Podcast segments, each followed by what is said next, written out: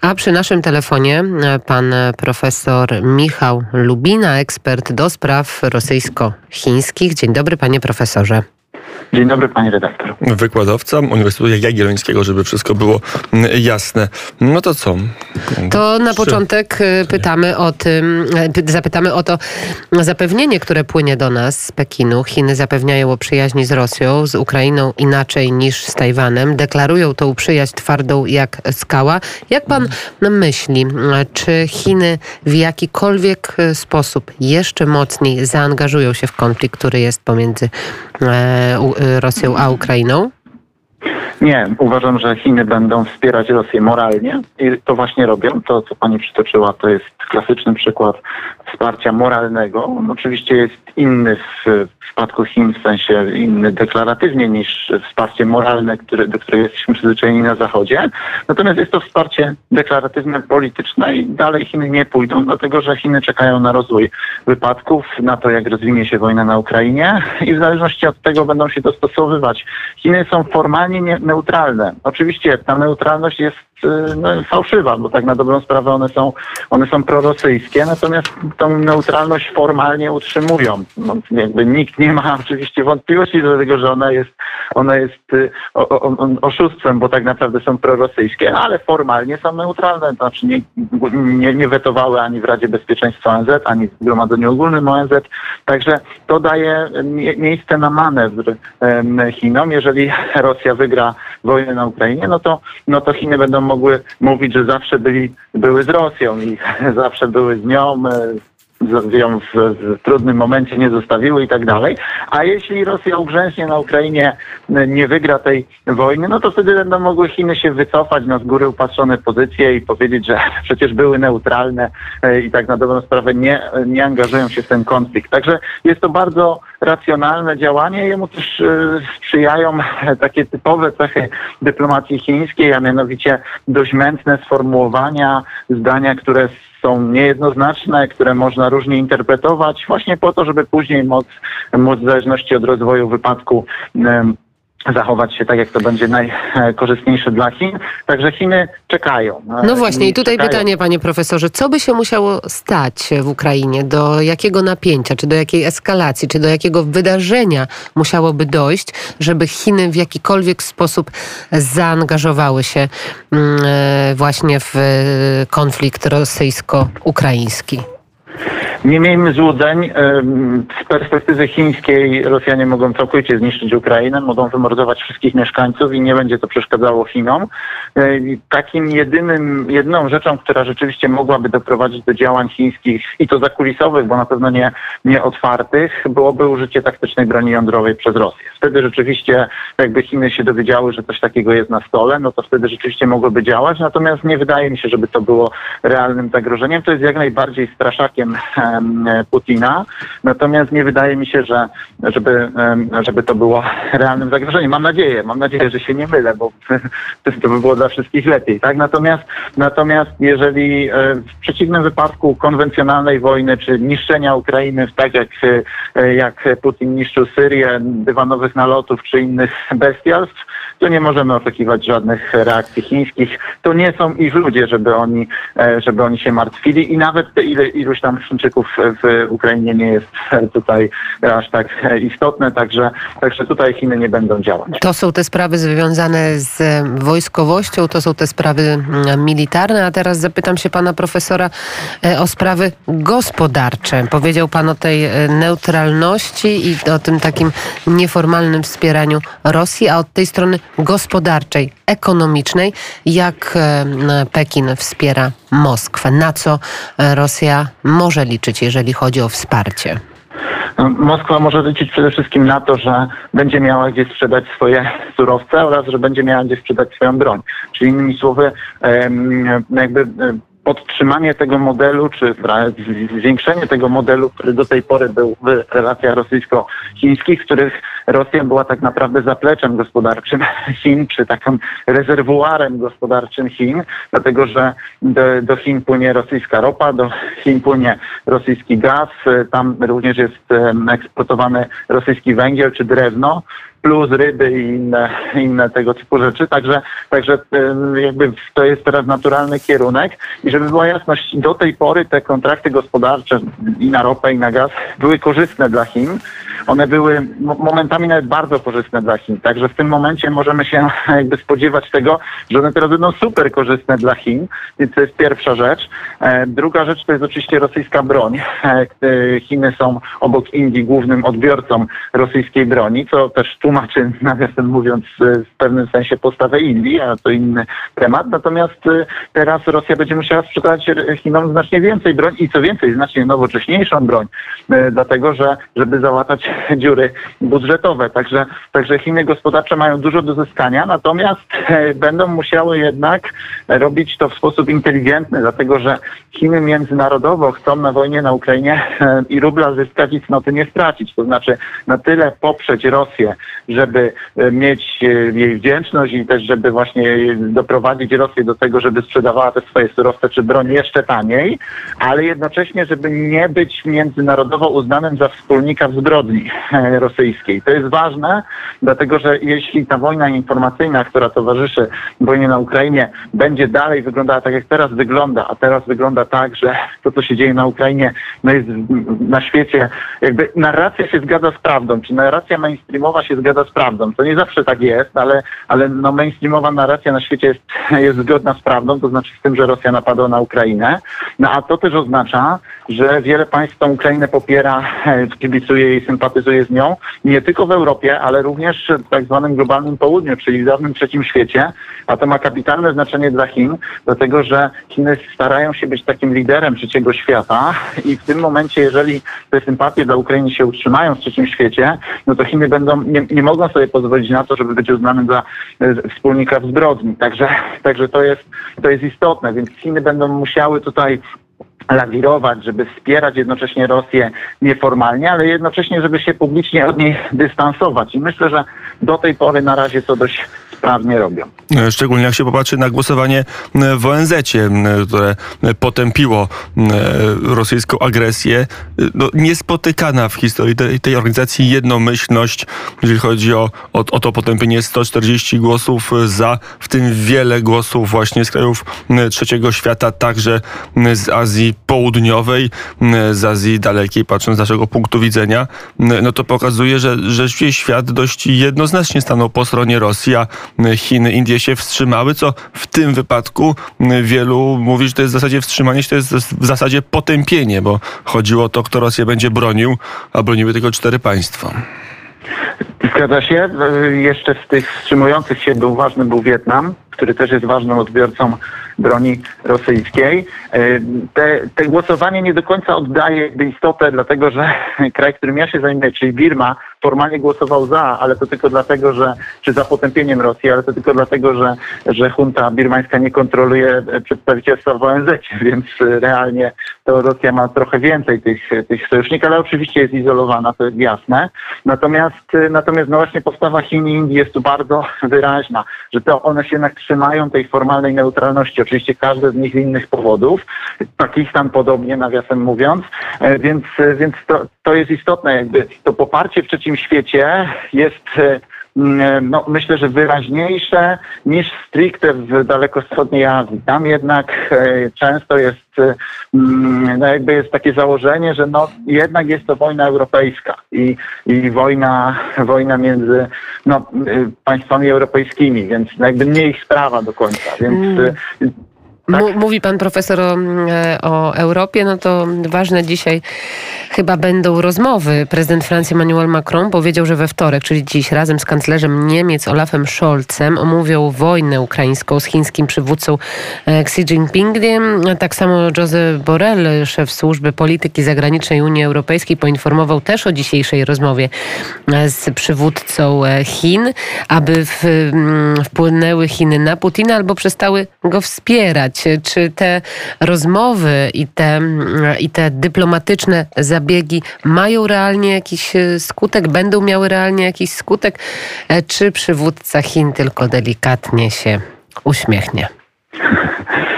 Dyplomacja nie zaszkodzi. Bez, bez wątpienia każda próba jest dobra, żeby zatrzymać wojnę, żeby, żeby zatrzymać cierpienia e, ludzi. E, jest też oczywiście e, no, ważna też dla nas, dlatego że im dłużej trwa ta wojna, tym gorzej również dla nas gospodarczo. Także trzymajmy kciuki za te, za te rozmowy bez wątpienia. Z perspektywy chińskiej bardzo ważne jest to, że no, bardzo złą, złym następstwem, złą konsekwencją tej wojny jest zjednoczenie się Zachodu ponowne, no niewidziane od roku 91.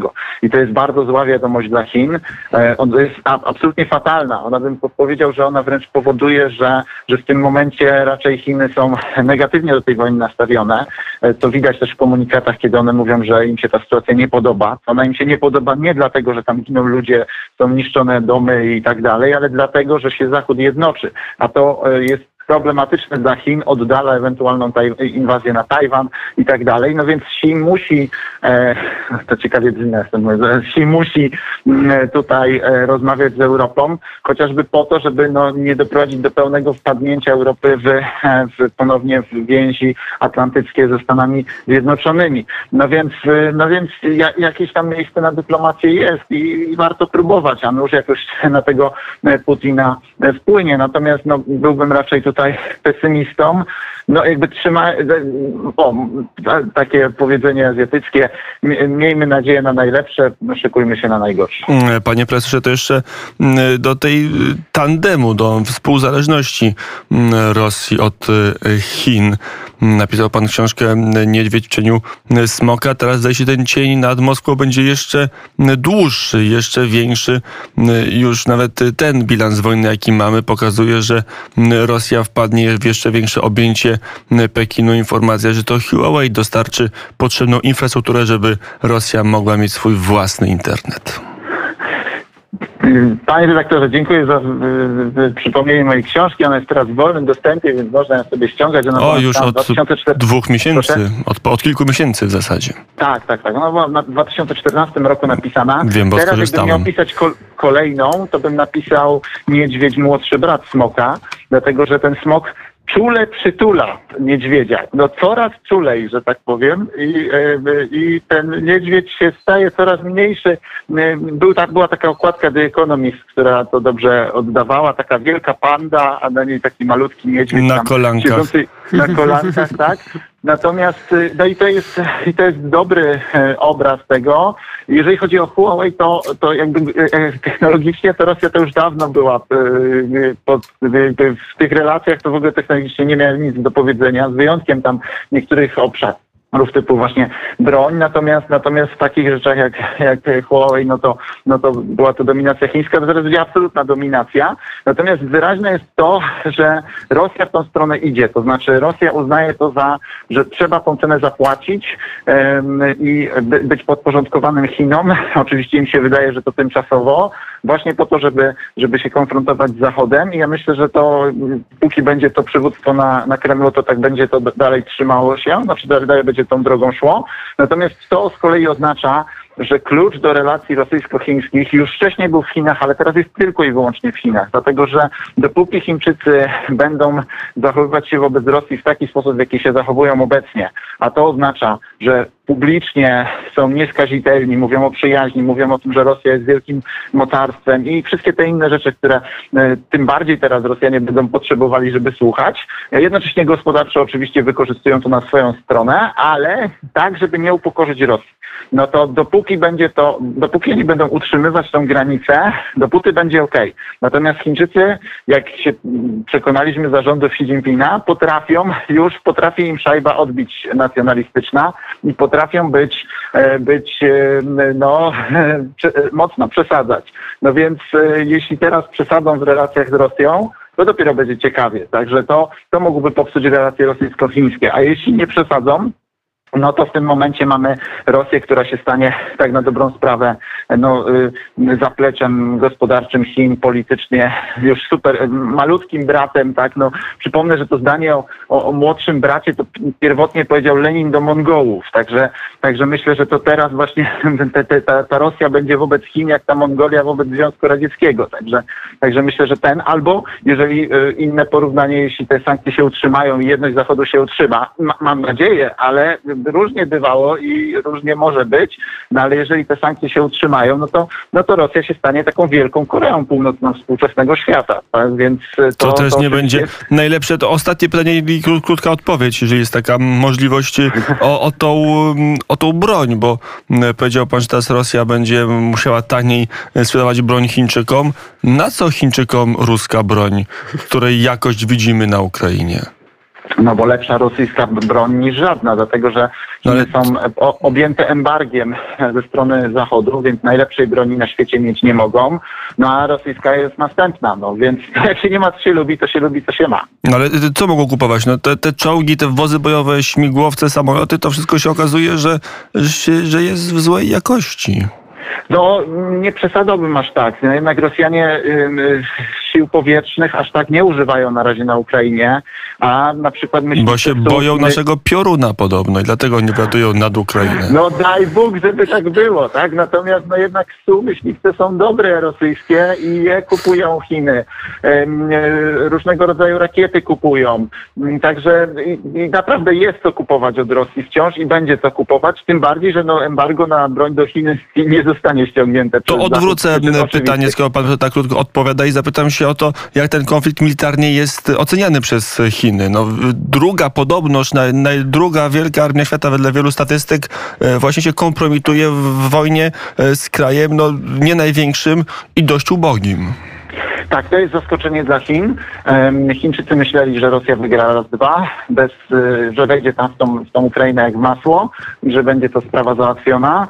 No i rzeczywiście y, jakby trochę stracili twarz Rosjanie w oczach Chińczyków w tym, co się tam dzieje. Natomiast myślę, że Chińczycy dalej zakładają, że Rosjanie wygrają tą wojnę i, ten, jak ten czołg rozjadą tą Ukrainę, oczywiście kosztem strasznych strat i tak dalej, ale to jest jakby drugorzędne z tej perspektywy. Pamiętajmy, że chińska armia ona bardzo często trenuje z Rosją, i, a właściwie to uczy się od armii rosyjskiej. Także armia chińska jest jeszcze słabsza niż, niż rosyjska, więc oczywiście będzie to miało, będzie to miało wpływ na, na kalkulacje. Natomiast no, znowu, no, od kogo innego mają się Chińczycy uczyć, skoro Zachód jest teraz coraz bardziej antychiński, jednoczy się i tak dalej. No to właściwie tylko Rosja im zostaje. No nie widzę tu jakichś innych armii na świecie e, tego, na, na tym poziomie mocarstw, od których Chińczycy mogliby brać sprzęt i się uczyć no, jakby Rosja jest wciąż i będzie, więc, więc Chiny będą od niej brały, co się tylko da, taniej, taniej i to jest ważne.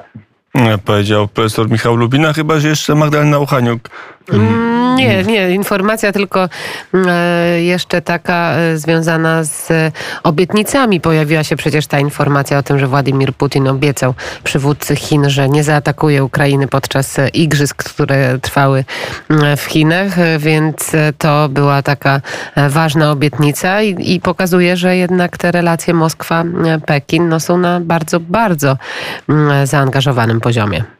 No, do, dotrzymał słowa, że tak powiem, to po pierwsze. Po drugie, no trochę się tutaj y, mył winę za 2008 rok, kiedy no jednak popsuł Chinom te otwarcie Igrzysk Olimpijskich.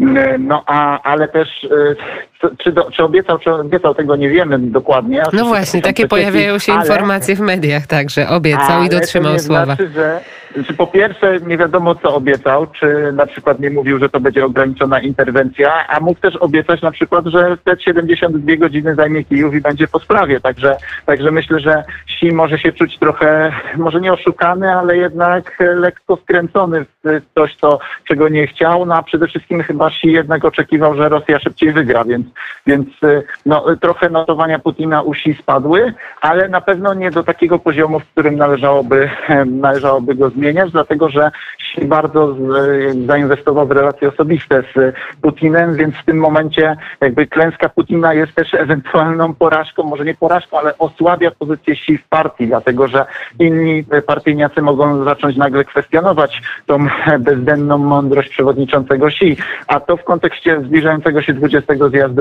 e, Komunistycznej Partii Chin może mieć e, no, pewne komplikacje. Ale to skoro tak dobrze nam idzie, może już e, porozmawiamy do godziny 10 do serwisu informacyjnego, bo Chyba tak chyba inaczej e, się tego Ja nie da mogę zrobić. gadać godzinę, ja mam Wiemy, panie profesorze. Wiemy, panie profesorze, ale to d- d- g- Że godzina... wykłady są pana Tak. specjalnością. Godzinę trzeba będzie w, w pięciu minutach m, zawrzeć. To jeszcze opuśćmy Chiny i zobaczmy, jak reszta regionu reaguje. Mówił pan o, o, o Indiach, ale są inne kraje. Jest Tajlandia, w ogóle daleki południowy wschód jakkolwiek odczuwa, no poza Chinami, no bo tutaj Chiny, Rosja to jest jasne, ale w ogóle interesuje się inwazją Rosji na Ukrainę, czy nie?